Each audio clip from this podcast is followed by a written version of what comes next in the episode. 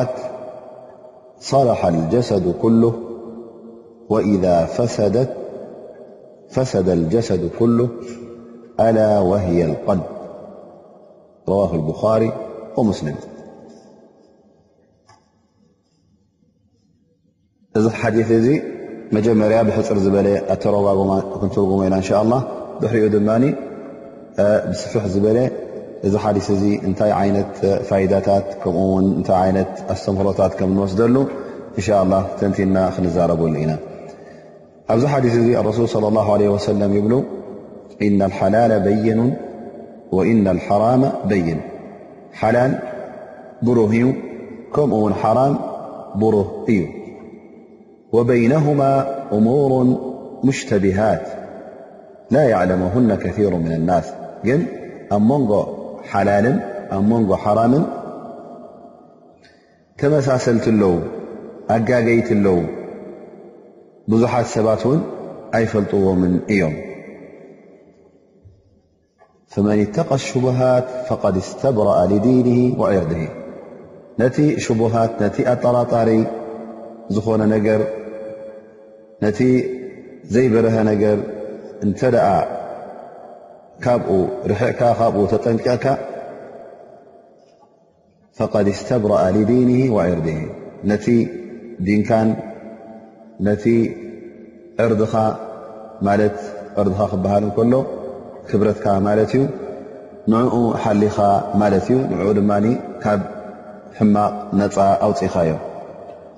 ኣማ ወመን ወቅዐ ፊ ሹቡሃት ወቅዐ ፊ ልሓራም ኣብቲ ሹቡሃት ዝበሃል ኣብቲ ኣጠራጣርን ኣብቲ ዘይተለለየ ነገር ዘይበረሀ ነገር ኣብኡ ዝወደቐ ኸዓ እዚ ኣብ ሓራም ከም ዝወደቐ እዩ ዝቑፀር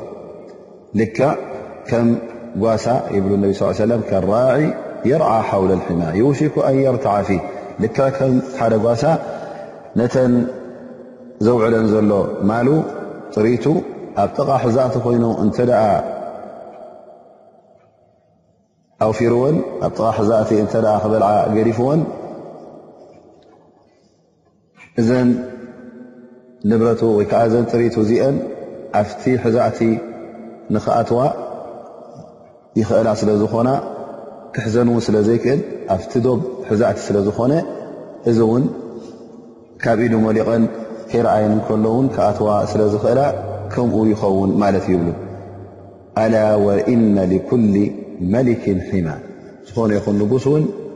ንጉስ ዓዲ ኮይኑ ንጉስ ገጠር ኮይኑ ማለት መራሒ ማለት እዩ ዝኾነ ይኹን ንጉስ ዝኾነ ይኹን መራሒ ሕጊ ኣለዎ ዝገበሮ ደንብታት ኣሎ ማለት እዩ ኣላ ወእነ ሒማ ላ መሓሪሙ ስለዚ ደንብታት ኣላ ስብሓን ወተላ ወይ ከዓ እቲ ሕዛእቲ ኣላ ስብሓን ወተላ ዝኸልከሎ እውን ዝሕዛእቲ እዙ እንታይ እዩ እቲ ሓራም ዝበሎ ኣላ ስብሓን ወተላ እዩ ኣላ ወእነ ፊ ልጀሰድ ሙድغ ከምኡ ውን ኣብ ዝኾነት ይኹን ኣካል ንእሽተይ ስጋ ኣላ እዛ ስጋ እዚኣ ድማ እንተ እሳ ተዓርያ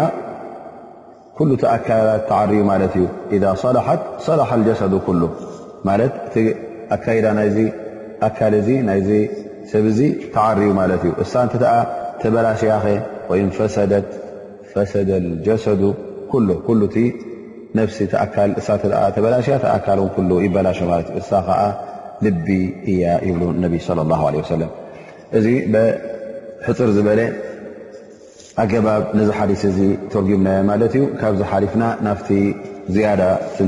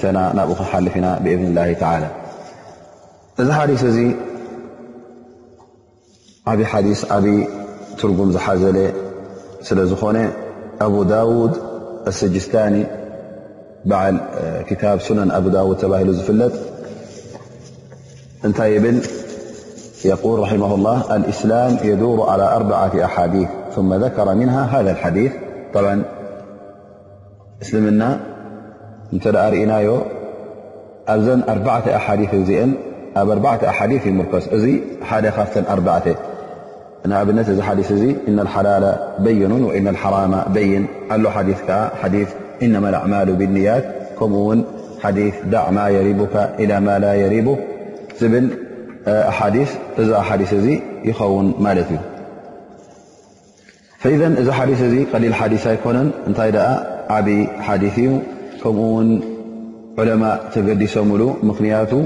ብጣዕሚ ነቲ ናይ ጉዳይ ሓላልን ሓራምን ከመይ ጌርካ ምስኡ ከም ትቃዶ እዩ ዘርእካ ዘሎ ማለት እዩ ካብ ሓራም ከመይ ርካ ከም ትጥንቀቕ ንሓላል እውን ስራሕካ ኩሉ ግዜ ናብኡ ጥራይ ከመይ ገይሩ ከም ዝኸውን ዝሕግዘካ ሓዲ ማለት እዩ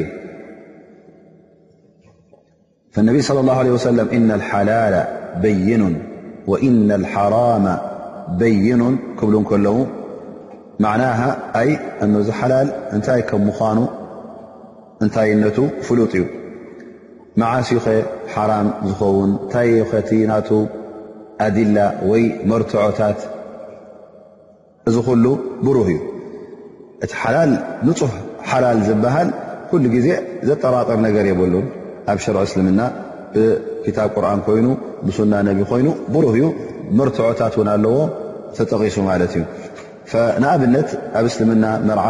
ንክትምርዖ ሓላል ጠይባት ንፁህ ፅሩይ ምቁር ብልዒ ዝኾነ ንክትበልዕ ሓላል ክዳን ንክትለብስ እውን ካብ ጡጥ ተሰርሐ ኮይኑ ወላ ውን ካብ ሱፍ ተሰርሐ ኮይኑ እዚ ኩሉ ንክዳካ ንክትለብሶ ሓላል ይኸውን ማለት እዩ ከምኡ ውን ሓራም ኣላ ስብሓን ወተላ ዝሓረሞ ውን ንፁሕ ሓራም ውፁእ ሓራም ዝኾነ ብሩህ እዩ ኣብ ክታብ ረቢ ኮይኑ ኣብ ሱና ነቢ መርትዖ ትረኽበሉ ማለት እዩ እዚ መርትዖ እዚ እውን ዘሰሓሕብ ኣይኮነን ውፁእ መርትዖ እኸውን ማለት እዩ ከም ንኣብነት ሽርብ ልከምር መስተ ምስታይ ተን ኣላ ስብሓን ወተዓላ ዝሓረመ ንደቂ ኣንስትዮ ንክትምርዓውን ዘይፍቀደልካ ድሕር ክትምርዖ ኮንካ ንሓፍትኻ ነዴኻ ንኣሞኻ ከምኡ ዝኣመሰለ ንሓትነኻ እዚታት ኩሉ ሓራም ከም ምዃኑ ኣብ ሽርዒ እስልምና ግሉፅን ብሩህን እዩ እዚምውና ሓራም ከም ምዃኑ ዘሰሓሕብ ኣይኮነን እዚ እውን ብሩህ እዩ ማለት እዩ መርትዖ ኣለዎ ኣብ ሱና ነቢ ኮይኑ እውን ከም ክዳን እውን ሓሪር ወ ተባዕታይ ንክክደን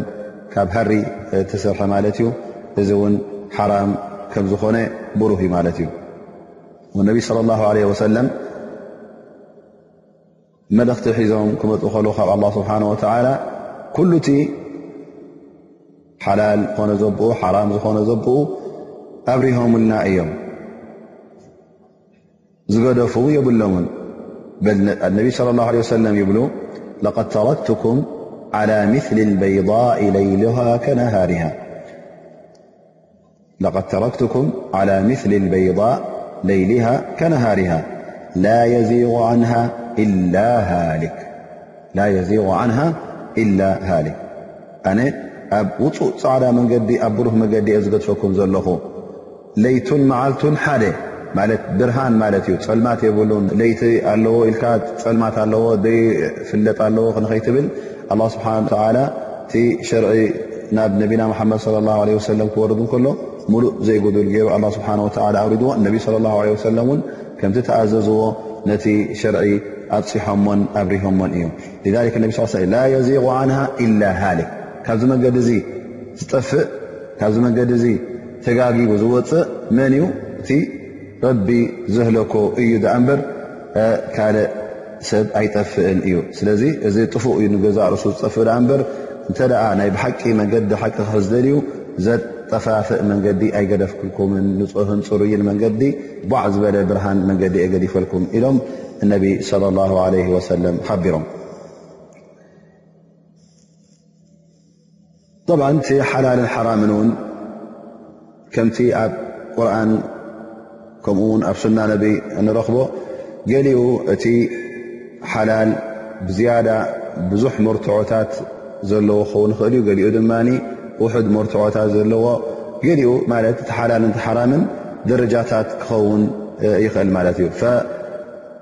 ኣብ ሸርዒ እስልምና እንታይ ይበሃል ኣሎ ሙር ማሉማ ን ዲን ብضሩራ ዝብልዋ ዑለማ ኣሎ ሙር ማሉማ ን ዲን ብضሩራ ማለት ዝኾነ ይኹን ኣስላማይ ንኽፈልጣ ግዴታ ዝኾነ ዘየጠራጥር ዝኾነ ኣሎ ኣብ እስልምና ማለት እዩ ምኽንያቱ እቲ ጉዳይ ኩሉ ዝፈልጦ ኩሉ ዝሰርሖ ንኣብነት ሰላት እተ ርእና ሕጂ ሃል ሰላት እስላማይ ተባሂልካ ሰላት ከም ዝስገድ ሰላት ዋጅብ ከም ምኳኑ ፈርዲ ከም ምኳኑ ዘይፈልጥ የለን እዚ እሙር ማዕሉመ ምን ኣዲን ብضሩራ ማለት ዓብ ይኹን እሽተ ይኹን ኩሉ ሰብ ይፈልጦ ማለት እዩ ዝኾነ ይኹን ኣስላማይ ኣ ብተግባር እረአ ስለ ዝኾነ ትፈልጦ ውን ብዙሕ ትምህርቲ የድልየካን እዩ መጀመርያ ወለድኻ ኮይኑ ስድራኻ እናገበርዎ ስለ ትዓቢ ኣብ እስልምና ኣብ ዓዲ እስልምና ስለ ዘለኻ ኣብ ቤት እስልምና ስለ ዘለኻ ሰላት ኮይኑ ፆም ኮይኑ እዚ ኩሉ ንኣብነት ሓሶት ሓራም ምኳኑ እዚ ኩሉ እናፈለጥካያ ካ ትኸይድ ማለት እናፈለጥካያ ስለ ትዓቢ እዚ ግዴታ ዝኾነ ይኹን ኣስላማይ ዓበ ንእሽቶ ምሁር ውን ኣየድልዮን ማለት እዩ ወላ ዘይተማህረ ወላ ደንቆሮ ዝፈልጦ ማለት እዩ ፈኢዘን ላ ይዕዘሩ ኣሓድ ይብሉን ብጃህሊሃ እዚ ነገር እዚ ኣይፈልጦን እየ ክብል ዝኽእል የለን ዋላ ኣይፈልጦን እየ እንተልካ እውን ንዓኻ እዚ ምኽንያት ኣይኮነን እዩ ማለት እዩ ምኽንያቱ ምናልባሽ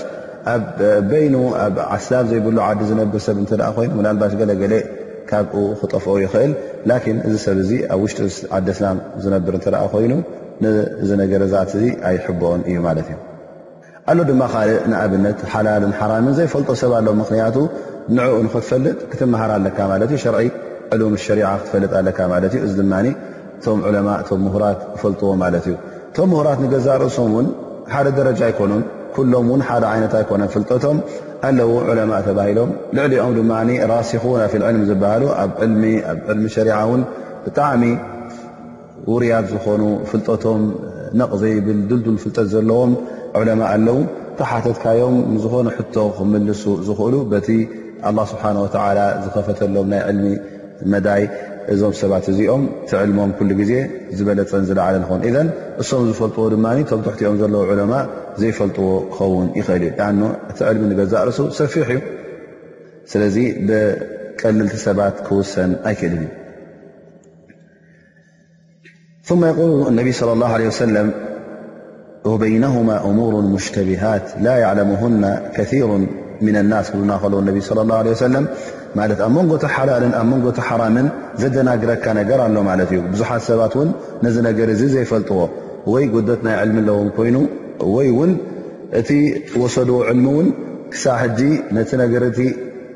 ፅቡቕ ገይሩ ዘየብርሃሎም ክኸውን ይኽእል ስለዚ እቶም ተራ ኣስላም ምናልባሽ ንዕኦም እዚ ነገር እዚ ግር ክብሎም ይኽእል ኸውን ግን እቶም ዑለማእ ዝበሃሉ እቶም ፅኑዓት ኣብ ዕልሚ ፅንዓት ዘለዎም ፍልጠት ዘለዎም እዞም ሰባት እዚኦም እዚ ነገር እዚ ንዕኦም ኣየደናግርን እዩ ምኽንያቱ ዕልሚ ስለ ዘለዎም ፍልጠት ስለ ዘለዎም ግን ተራ ኣስላማይ እተ ኮይኑ ወይ እውን ቁሩብ ዕልሚ ዘለዎ እተ ኮይኑ ምናልባሽ እዚ ሰብ እዚ ሙሽተቢሃት ዝበሃል ኣጠራጣሪ ዝበሃል ተመሳሳሊ ዝበሃል ኣብ መንጎ ሓራምን ኣብ መንጎ ሓላልን ሓላል ድዩ ሓራም ድዩ እናበልካ ትጠራጠረሉ ነገራት ኣሎ ማለት እዩ እዚ እውን ምኽንያቱ ክንገልፆ ኢና እንሻ ላ ከመይ ገይሩ እዚ ነገር እዚ ኣብ ወዲ ሰብ ከም ዝመፅእ ፈኢዘን ከምቲ ልእማም እነው ዝብሎ ሙሽተቢሃት ክበሃል እንከሎ እቲ ሓላል ናቱን ሓራም ናቱን ብጣዕሚ ዘይበረሃልካ ክኸውን እንከሎ ኣብ ርእሲኡ ድማ ምናልባሽ እቶም ዑለማእ ወላ ውን ነዚ ነገር እዚ ደሊል ዘይብሉ እንከሎ ግን እቶም ዑለማእ ካልእ ኣድላ ካልእ መርትዖታት ስለ ዘሎ ብካልእ መርትዖታት እናጋጠሙ እናቀራረቡ እናመዛዘኑ ክፈልጥዎ ይኽእሉ ግን እቲ ዘይተማሃረ ሰብ ዕልሚ ዘይብሉ ሰብ ግን ወላ ነቲ ደሊል እናፈለጦ ከሎ እቲ ደሊል ከመይ ገይሩ ምዚ ጉዳይ እዚ ከም ዝጋጠም ከራኽቦ ስለ ዘይክእል እቲ ሓላልን እታ ሓራምን ተጋግዮ ማለት እዩ እንተ ደኣ ዓለም እውን ነስ ማለት መርትዖ እተ ዘይረኸበ እጅማዕ እተ ዘይረኸበ እቶም ዑለማ መብዝሕቲ ግዜ ብዙሕ ፍልጠት ስለ ዘለዎም መርተባ ናይ እጅትሃድ ዝበፅሑ ዑለማ ስለ ዘለዉ ድማ ወላ ነቲ ነገር እቲ ዝጠቅስ ሓዲት ወይ ከዓ ኣያ ኣይትሃሉ ድኣ እምበር ብኻልእ ኣሓዲት ብካልእ ኣያታት ኣኻኺቦም እዛ ጉዳይ እዚኣ ኣብ ትሕቲ ኣየነይቲ ከም ትኣቱ ስለዝፈልጥዋ ተቓሊሶም ትናታ ውሳነን ትናታ ሕኩም ናታን ክፈልጥዎ ይኽእሉ እዮም።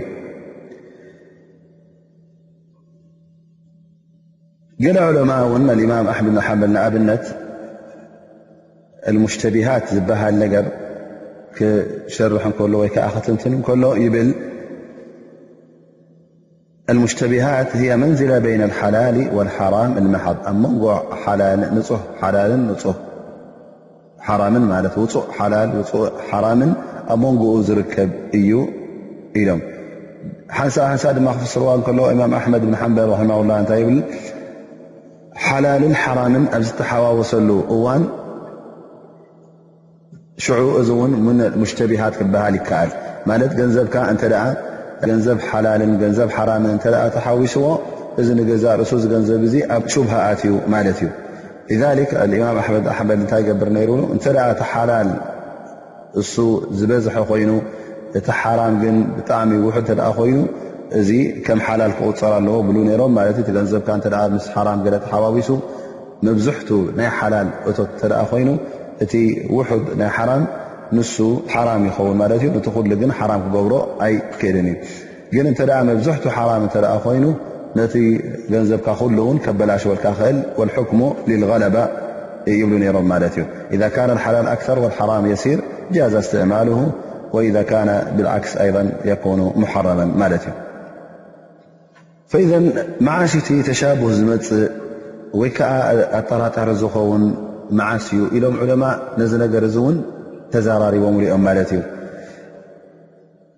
ለኣኑ ሓድሓደ ሰብ ሓድሓደ ግዜ ንሓንቲ ጉዳይ ካብ ብዙሓት ዑለማእ ገለ ክሰምዖ ከለዉ ሓደ ዓልም ብሓደ ሸንኽ ክዛረብ እንከሎ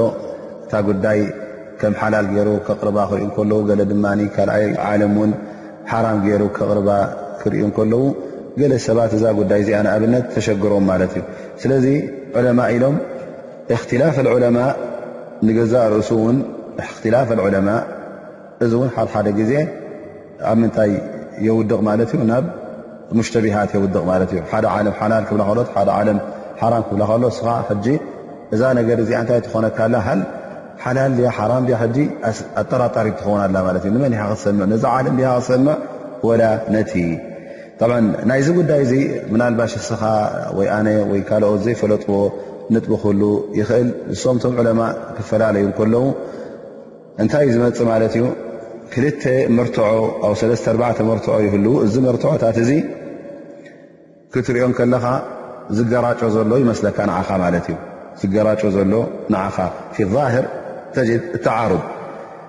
ግን ናይ ብሓቂ ተጋጨው ኣይኮነን ሕጂ እቶም ዑለማ እንታይ እዮም ዝጥቀሙ ማለት እዩ ነዚ ምግርጫው ዘሎ ነዚ ተዓርድ ዘሎ ከፅርዎን መውፅኢ ክረኽብሉ ድማ ይፍትኑ ማለት እዩ ስለዚ ኩሎም ነናቶም ኣገባብ ይጥቀሙ ማለት እዩ። ስለዚ እቲ ሓደ ብዛዕባ እታ ጉዳይ ንኣብነት ሓላል እያ ጃኢዝ እያ ኢሉ ክዛረብ ይኽእል፣ እቲ ካልኣይ ድማ ሓራም እያ ይብል ማለት እዩ። ከምኡ ውን ገለ ዑለማ ኢሎም እዚ ሙሽተቢሃት ዝበሃል ኣየና እዩ ይብሉ እቲ መክሩህ ኢሎም ዑለማ ዝጠቐስዎ እዚ ነገር እዚ ንክትገብሮስ መክሩህ እዩ ክብልዎ ከለዉ እዚ ካብቲ ሙሽተቢሃት ይቁፀር ማለት ይብሉ ስለምንታይ እንተበልና እዞም ዕለማ ከምዚ ገይሮም ይምልሱ ማለት እዩ መክሩህ ክበሃል እንከሎ እዚ መክሩህ እዚ ማለት ፍትው ኣይኮነን ኣላ ስብሓን ወተላ ኣይፈትዎን ግን ኣብ ደረጃ ናይ ሓራም ኣይበፅሐን ግን ናብ ሓራም ከቕርበካ ስለ ዝኽእል መገዲ ሓራም ከላመደካ ስለ ዝኽእል ብኡ መክሩህ ኮይኑ ማለት እዩ ስለዚ ኣብዚ ከም ዝኣመሰለ ጌጋ እንተ ክትወድቕ ኮንካ ነዚ መክሩህ እዚ እንተ ኩሉ ግዜ ክትፍፅሞን ክትገብሮን ትርከብ ኮንካ እዚ እታ ሕጂ ዝገብረካ ዘሎ ማለት እዩ የተባብዓካ ኣሎ ማለት እዩ መክሩህ እናብዛሕካ እንተ ከድካ ናፍቲ ሓራም ንክትወድቕ ውን ትተባባዕ ማለት እዩ ቐስ ብቐስ ውን ኣበይ ክትበፅሕ ኢኻ ኣብቲ ሓራም ክትወድቕ ኢኻ ማለት እዩ ስለዚ ኢሎም እዚ ሙሽተቢሃት ዝበሃል እቲ መክሩህ ዝበሃል ኢሎም ገለ ዑለማ ጠቒሶሞ ማለት እዩ ምኽንያቱ እቲ መክሩህ ገዛእ ርእሱ እንተ ደጋጊምካዮ እቲ ልብኻ እናፀለመ ስለ ዝኸይድ እናተረረ ስለ ዝኸይድ ቐስዋ ኣብ ልብኻ ስለ ዝሓድረካ እንታይ ትኸውን ኣለኻ ማለት እዩ ናብቲ ሓራም እናቐረብካ ትኸይድ ኣለኻ ማለት እዩ ሻዕቢ ማም ሻዕቢ ይብል መን ተረከ ማ ሽቢሃ ዓለይህ ምን ልእም ካነ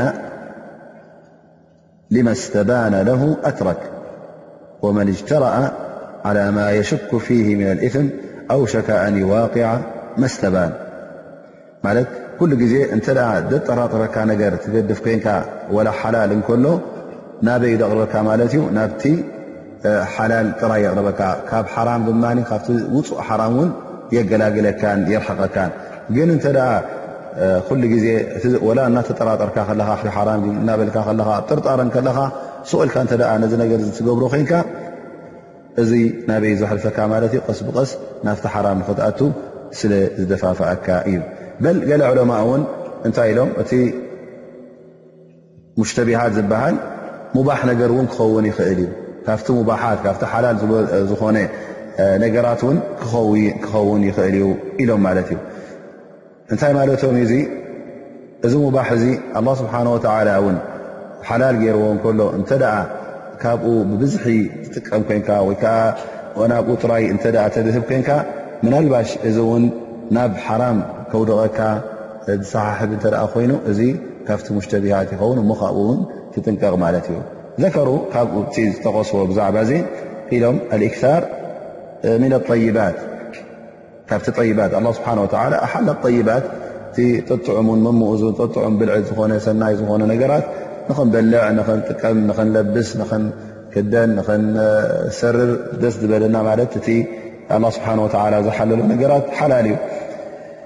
ግን እንተ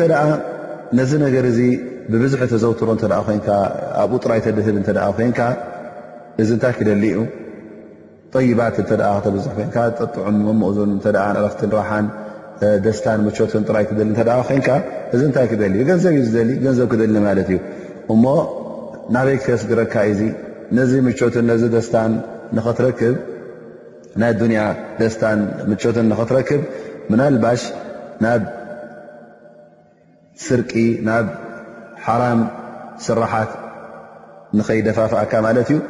ኣይተብዝሕ ካብቲ ሓላል ውን ዝበሎ ክትጥንቀቕ ኣለካ ማለት እዩ እንተ ኣፍካ ከፊትካ ሱቕኢልካ ሓላል ዘመፀካ ትወስዶ እተ ኮይንካ ፅባሕ ንግሆ እንተ ቁርብ ጉድል ኢሉካ እቲ እቶትካ ተእትዎ ነበርካ እቲ ዝለመትካዮ ምእንቲ ከይተርፈካ ብዘይ ሕጋዊ መገዲ ብሓራም ዝኾነ ኣገባብ ነቲ ገንዘብ ንኽትደሊ ከይትጎይ ነቲ ገንዘብ ንኽትእክብ ንኸይትርከብ ኣብዚ ኣላ ስብሓን ወተዓላ እቲ ሙባሕ እውን ንገዛእ ርእሱ ካብ ሙሽተቢሃት ኢሎም ዑለማ ይጠቕሱ ማለት እዩ ወይ ውን እንተ እቲ ኣላህ ስብሓን ወተላ እንተ ሃፍቲ ሂቡካ እንተ ምቾት ሂቡካ እዚ ምቾት እዚ እንተ ናብ ትዕቢት ዘስግረካ እተኣ ኮይኑ እቲ ፅቡቕ ምኽዳን ፅቡቕ እዩ ፅቡቕ ምስራር ፅቡቕ ጫማ ፅቡቕ ገዛ እንተ ኣለካ ኮይኑ እዚ ኩሉ ፅቡቕ እዩ ኣብ ሸርዒ እስልምና እውን ተኸልከለ ኣይኮነን ግን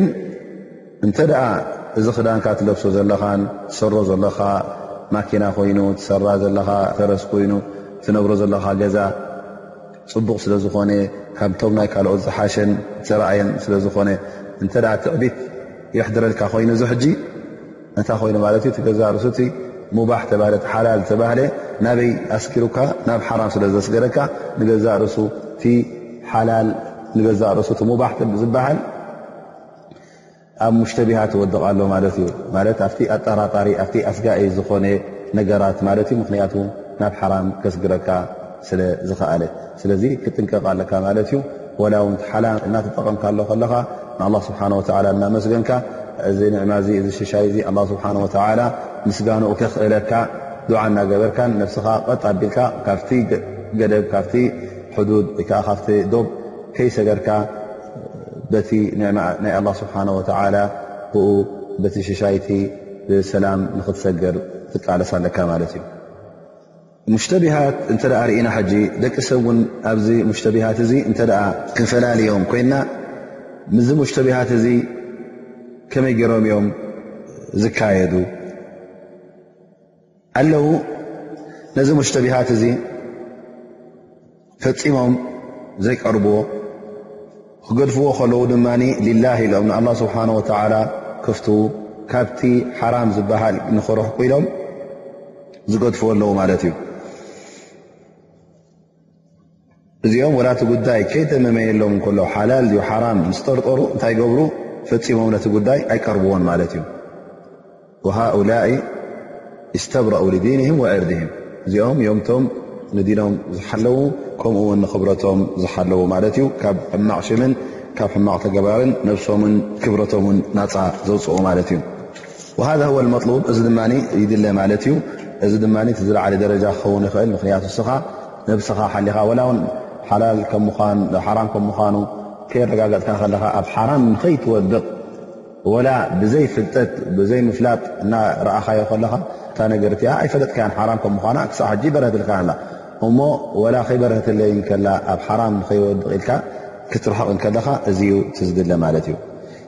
ጠብዓ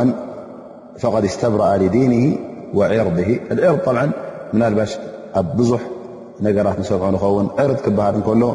ንገዛእ ርእስኻ ክብረት ናይ ነፍስኻ ክኸውን ይኽእል እሱ ከዓ እቲ ዝምስገንን እቲ ዝውቀስን ኣብ ነፍስኻ ማለት እዩ ሓደ ሰብ እተ ተወቂሱ ክብረቱ ተነኺፉ ማለት እዩ እተ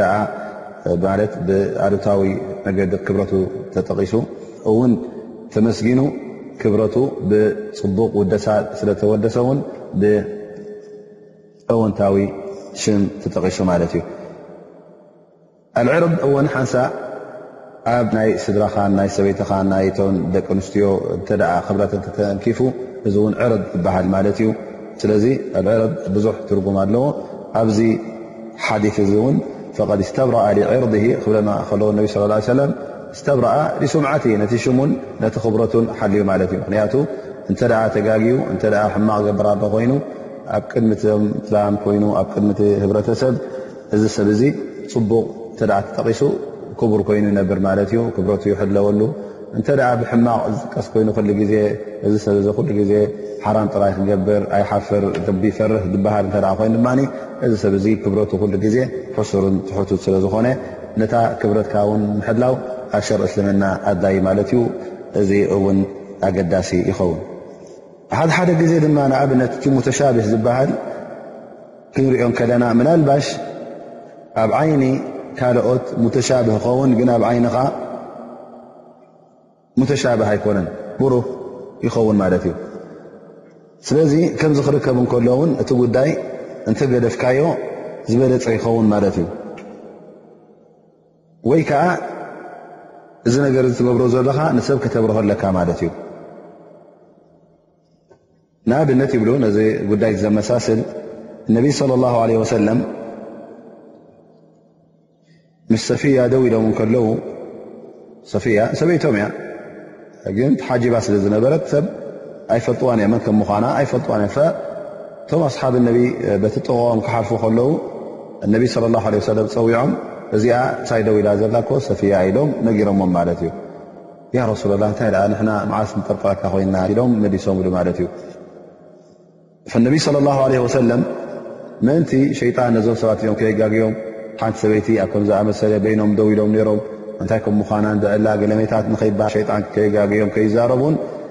ሕፋظ ዓላ ዕርድ ምእንቲ ብድሕሪ ነቢ ስ ሰለ ነቢ ከምዚ ገይሮም ከምዚ ኢሎም ኢሎም ንኸይዛረቡ እዞም ሰባት እዚኦም ነቢ ስ ሰለም እዚኣ ሰፊያ ኢሎም ጠቒሶምሎም ማለት እዩ ስለዚ እንተ ንኣብነት ሕጃ ከም ካልእ እውን ኣብነት ምስላ ክነቐርብ እተ ኮይና ነቢ ስ ሰለም ብ ሰፍያ ምስ ኣደው ምባል ሓራም ኣይኮነን ሰበይቶም እያ እዚ ግን ኣብ ዓይነቶም ካልኦት ሓራም ንኸይከውን ኣብርሆሞ ማለት እዩ ንኣብነት እውን ክንወስድ ካልእ እተ ኮይና እንተ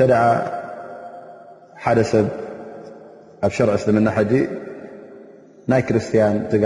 እንተደኣ ብስም ኣላህ ኢሎም ሓሪዶሞ ክበልዕዎ ኢሎም ዝሓርድዎ እንተደኣ ኮይኑ ኣይሁዳውያን ኮይኑ ክርስትያን ኮይኑ ኣስላማይ ንክበልዖ ሓላል እዩ ንኣብነት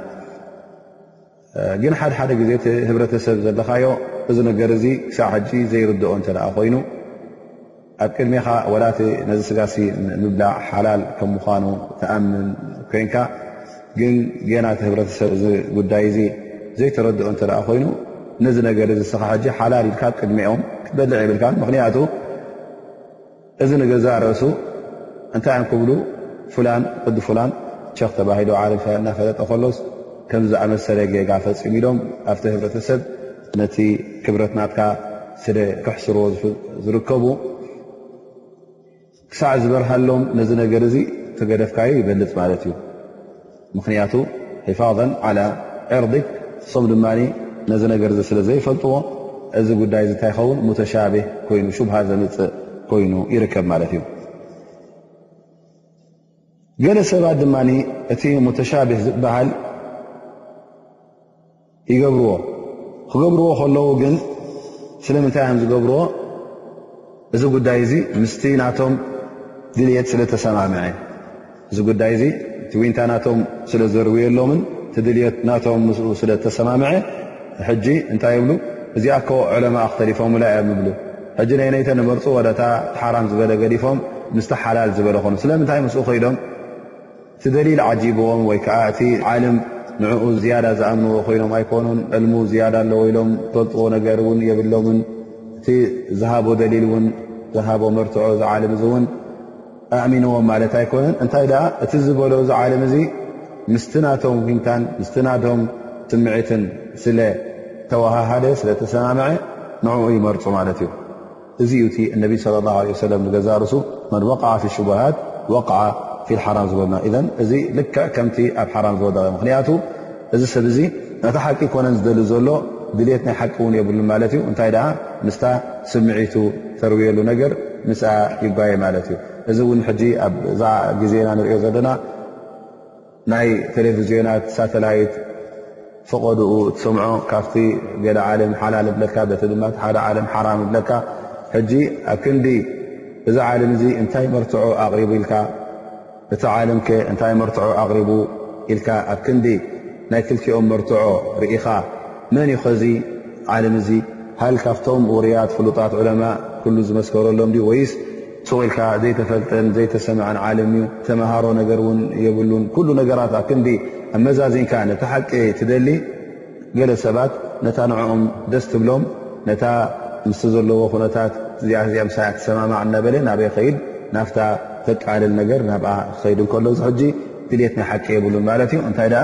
ድልት ናይታ ዊንታ ናቱ እዩ ዘለዎ ማለት እዩ። ነቲ ፈትዋ ክኽተል እንከሎ ነቲ ቃል ናይዚ ዓለም ዝኽተል እንከሎ እውን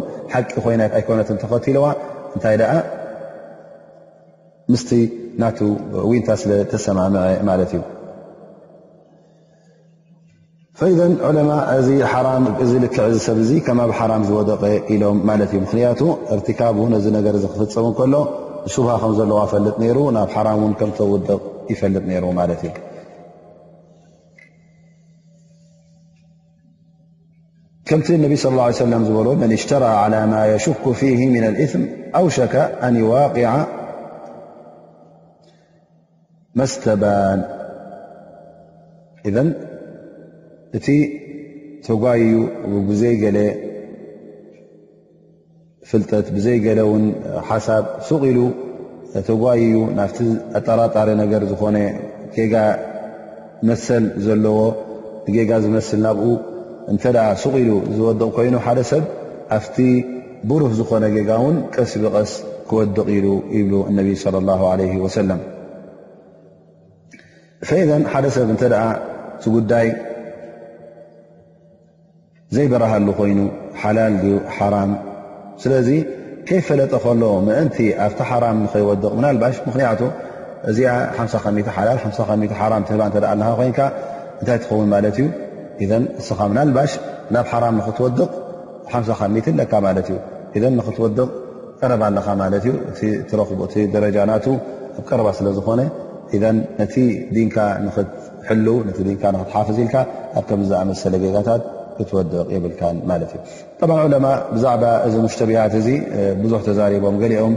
ኣብዚ ሙሽተቢሃት እዚ ኣብዚ ኣስጋዒ ነገራት እዚ ኣጠራጣሪ ነገራት ኣብኡ እተ ወዲቕካ ገሊኦም እዚ ተግባር እዚ ፍፁም ንፁ ፅሩይ ሓራም እዩ ዝበሉ ኣለዉ ገሊኦም ድማ እዚ መክሩህ ኣብ ደረጃ ናይ መክሩህ በፅሕ ይብሉ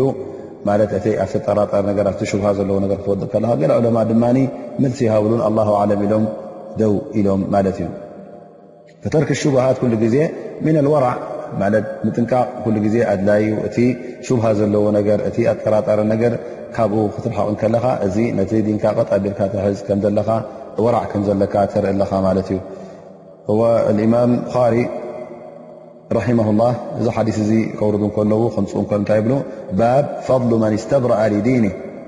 ባብ ፈضሉ መን ስተብረኣ ሊዲኒ ማለት እዚ ሰብ እዚ ነዚ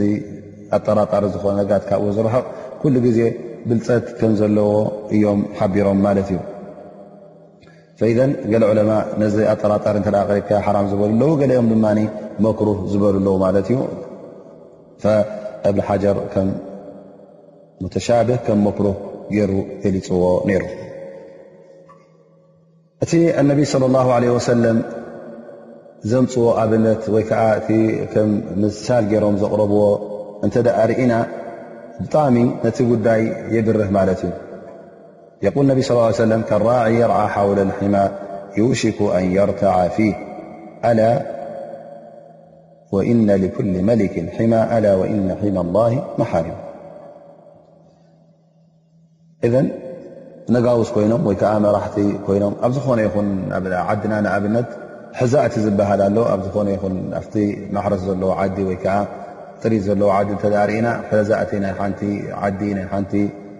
ገጠር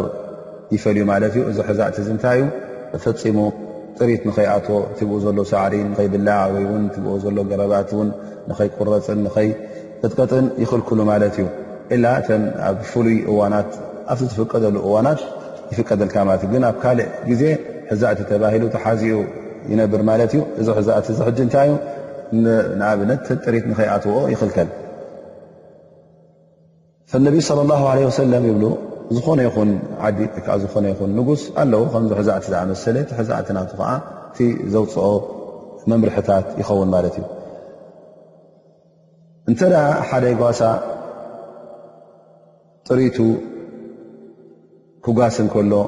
ኣብ ጥቓ እዚ ሕዛእቲ እዚ እተ ከብልዐን ፈቲኑ ፈጺሙ እዘን ምስኡ ዘለዋ ጥሪት ካብቲ ሕዛእቲ ክኣትዋ ይኽልክለን ክእለት የብሉን ምኽንያቱ መጀመርያ ንሱ ክጓስዮን እንከሎ ኣብቲ ጥቓ ሕዛእቲ ይምፅእዎን ዘሎ ማለት እዩ እታ እንስሳ ድማ እናበለዐት ከላ ቀስ ብቕስ ኣብቲ ዝሓሸን ኣብቲ ዝሓሸን ስጉምቲ ስጉምቲ እናገበረት ናበይ ክትኣቱ እያ ማለት እዩ ናብቲ ሕዛእቲ ክትኣቱ ማለት እዮ እንስሳ ድማ ኣእምሮ የብላን ሕዛእቲ ከም ምኳኑ ኣይትፈልጦን እያ ስለዚ እንተ እስኻ እዘን ጠለበጊዕካ እዘን ጥሪትካ ኣብ ጥቓ ሕዛእቲ ተብልዐና ኣለካ ኮይንካ ፈፂመን ኣይኣትዋን እየን ኣብቲ ሕዛእቲ ኢልካ ክትተኣማመን ኣይትኽእልን ኢኻ ምክንያቱ እንስሳ ስለ ዝኾነ ኣእምሮ የብላን ሕዛእቲ ከም ምኳኑ ይትፈልጥን እያ ስለዚ ቀስ ብቐስ ክትኣትያ ማለት እዩ ስለዚ እስኻ ድማ ክትቅፃዕ ኢኻ ኣላ ስብሓን ወተላ እውን ልክዕ ሕዛእቲ ኣለዎ ማለት እዩ እቲ ሕዛእቱ እንታይ እዩ መሓሪሙ እቲ ሓራም እዩ ዝበሎ እዚ እዚ እዚ ሓራም ኢሎ ኣ ስብሓ ወ ነቢ ስ ሰለም ዝነገሩና እዚ ነገር እዚ ሓራም ስለ ዝኾነ ኣብ ጥቕኡ ፈፂምካ ክትቀርብ የብልካ ኣብ ጥቕኡ ዘቀራርብ ነገር እተ ርኢኻ እውን ነዚ ነገር እዚ ክትቀርቦ የብልካ ማለት እዩ ምክንያቱ እዚ ሙሽተቢሃት ዝበሃል ኣብቲ ጥቕኡ ከቕርበካ ስለ ዝኽእል ኣዚ ሙሽተቢሃት እዚ እንተ ገርካ ድማ ናብቲ ሓራም ከስግረካ እዩ። ስለዚ እዚ ኣብነት እዚ እነቢ ስለ ላሁ ዓለይሂ ወሰለም ዘርኣዩና ኣላ ወከራዕ የርዓ ሓውለል ሒማ ዩሽኩ ኣን የርተዓ ፊህ ከምቲ ጓሳ ኣብ ጥቓ ሕዛእቲ ኮይኑ ጥሪቱ ዘውዕል እዚ ጓሲ ከምኡ ኢኻ ትኸውን ዘለኻ ማለት እዩ እንተ ኣብቲ ሙሽተቢሃት ዝበሃል ነገር ወዲቕካ ነቲ ሙሽተቢሃት እንተ ትገብር ኮይንካ ነቲ ሹብሃ ዘለዎ ነቲ ጠራጣሪ ዝኾነ ነገር ذሊክ እብኒ ረጀብ ይብል ራማ ላ እዚ ሕጂ ዓብ ምልክት ሂቡና ኣሎ እነቢ صለ ላ ለ ወሰለም ካብቲ ሓራም ዘብኡ ፈፂምና ኣዕሪና ክንርሕቕ ከም ዘለና ኣብ መንጎኻን ኣብ መንጎቲ ሓራምን እውን መከላኸሊ ወይ ከዓ ሓጅዝ ችርኳላታ ክትገብር ከም ዘለካ፣ እዚ ችርኳላታ እዚ፣ እዚ መንደቕ እዚ እቲ ሙሽተቢሃት ዝበሃል ክኸውን ኣለዎ ማለት እዩ። ስለዚ ካብኡ ብጣዕሚ ክትርሕቕ ከም ዘለካ፣ ካብቲ ሓራም ዝበሃል ነገር ኣርሒቕካ ኮፍ ክትብል ከም ዘለካ እዩ ነቢ ሰለላሁ ዓለይሂ ወሰለም ዝሕብረካ ዘሎ። ኣብ መጨረሻ እዚ ሓዲስ እዚ ነቢ ሰለላሁ ዓለይሂ ወሰለም ኣላ ወኢነ ፊል ጀሰዲ ሙድቓ ኢዛ ሰሉሐት ሰለሐል ጀሰዱ ኩሉ ኢሎም ማለት እዚኣ ድማ እታ ልቢ ወዲ ሰብ ማለት እዩ ወል ቀልብ ዑለማእ ይብሉ ኣልቀልብ ክስመ ከሎ ስምያ ሊተቀሉብ ማለት ኣብ ሓደ ሸነኽ ኣብ ሓደ ርእቶ ኩሉ ግዜ ስለ ደው ዘይብል ቀልብ ልቢ በዚ ሽም እዚ ተሰምዩ ቀልብ ተቀሉብ ፊ ልእሙር ኢሎም ማለት እዩ ኣው ኣነ ካሊሱ በደን ማለት ፅማቕ ናይ ኣካል ወዲ ሰብ ተቐንዲ ናይ ኣብ ኣካል ወዲ ሰብ ትርከብ ስለ ዝኾነት በዚ እያ ቀልብ ተሰምያ ይብሉ ዑለማእ ማለት እዩ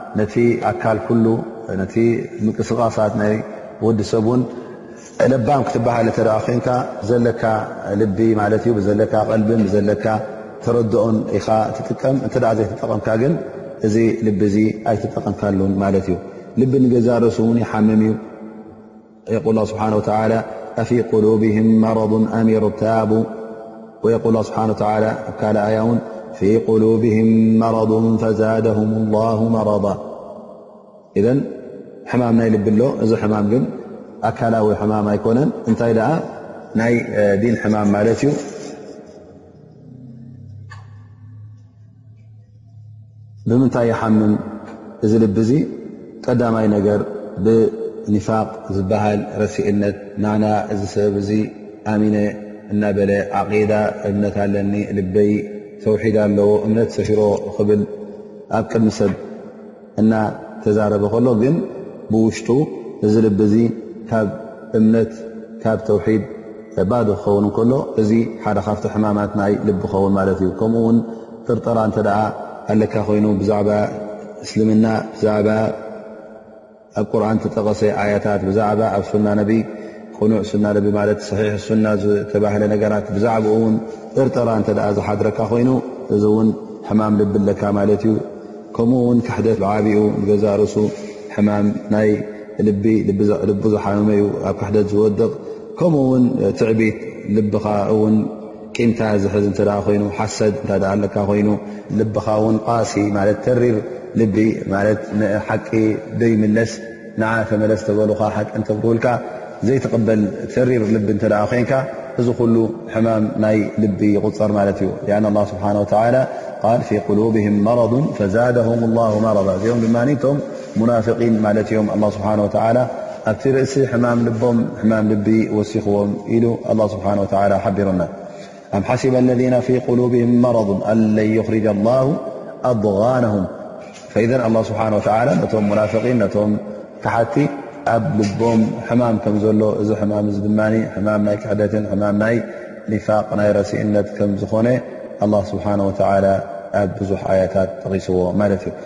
ስለዚ ዝኾነ ይኹን ኣስላማይ እዛ ልቡ እዚኣ ኩሉ ግዜ ንፅህቲ ንክትከውን እሳ እንተ ነፂሃ እሳ እተ ፀርያ ካብ ኩሉ ሕማማት እንተ ኣንፅህዋ መገዲ ኣላ ስብሓን ወተላ ሒዙ ክኸይድ እቲ ኣካላቱ ድማ ንሳ እያ ትመርሖ እዛ ልቢ እዚኣ እሳ እያ ትመርሕ ማለት እዩ ንኣካላት መን ንኣካላት ወዲ ሰብ ማለት እዩ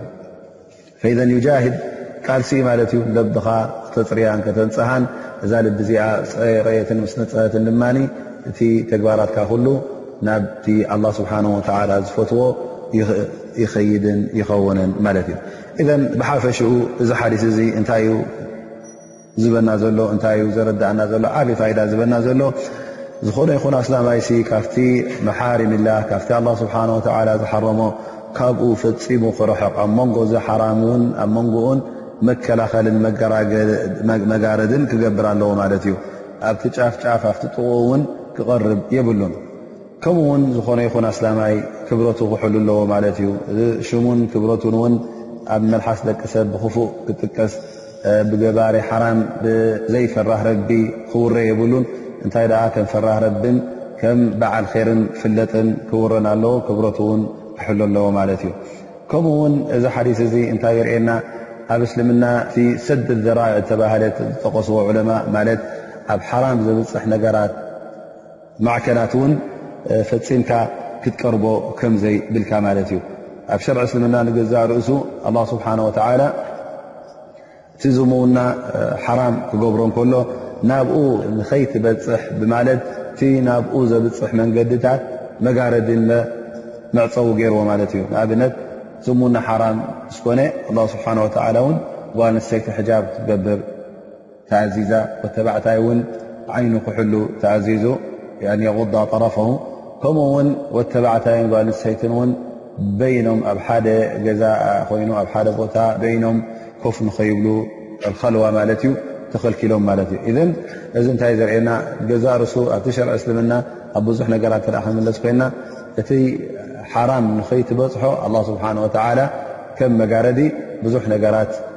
ከም ዝሓረመ የርእየና ማለት እዩ ኢዘን ፈፂምካ እቲ ሓራም ካብኡ ክትርሕቕ ከም ዘለካ እዩ ዘርእየና ማለት እዩ ካብቲ በዚ ሓዲስ እዚ እውን ፍቃሃ ተጠቒሞም እንታይ ይብሉ ከራዒ የርዓ ሓውሉ ልሒማ ካብዛ ቃል እዚኣ እንተ ሓደ ጓሳ ጥሪቱ ኣብ ጥቓ ሕዛእቲ ኮይኑ ዘብልዐን ልክ ከም ተጋገየ ገይሩ ኣነቢ ስ ሰለም ስለ ዝጠቐሶ ይብሉ እንተ ሓደ ሰብ እውን ጥሪቱ ኣብ ጥቓ ዘርኢ ናይ ካልኦት ሰባት ኣብ ጥቓ ግራት ናይ ካልእ ሰብ ኣምፅእካ ኣብቲ ጥቕኡ እንተ ፈኒኻያ እሞ እሳ ኸዓ ነዚ ግራት እዚ ኣትያ እንተ ኣበላሽያቶ እስኻ ኢኻ ትሕተት ይብሉ ማለት እዩ ከምኡ ውን እተ ኣብ ሓረም ማት ኣብ መካ ዘሎ ከባቢ ሓረም ዝስመ ኣብኡ ሃድን ክትሃድን ኣይፍቀድን እዩ ኢሎም ዑለማእ እንተ ኣብ ጥቓ ሓረም ኮንካ ናይ ሃድን ከልቢ ኣለካ ነዚ ከልቢ እዚ እተ ኣብዚ ቦታ እዚ ፈኒኻዮ እሞ እዚ ከልቢ እዚ ኣብ ሓረም እንተ ሒዙልካ እስኻ ከም ተጋገኻ ኢኻ ትቑፀር ምኽንያቱ ነዚ ከልቢ እዚ ኣብ ጥቓ ሓረም ኮንካ ክሃድነልካ ክትፍንዎ ይብልካን ምኽንያቱ እንስሳ ዝለ ዝኾነ ሕዱድ ናይ ሓረም ወይከዓ ዶብ ናይ ሓረም ኣይፈልጥን እዩ እስኻ ሕጂ ፈሊጥካ ኢኻ ነዚ ጉዳይ እዚ ትገብሮ ዘለኻ ማለት እዩ ከምዝኣት እውን ትፈልጥ ነርካ ማለት እዩ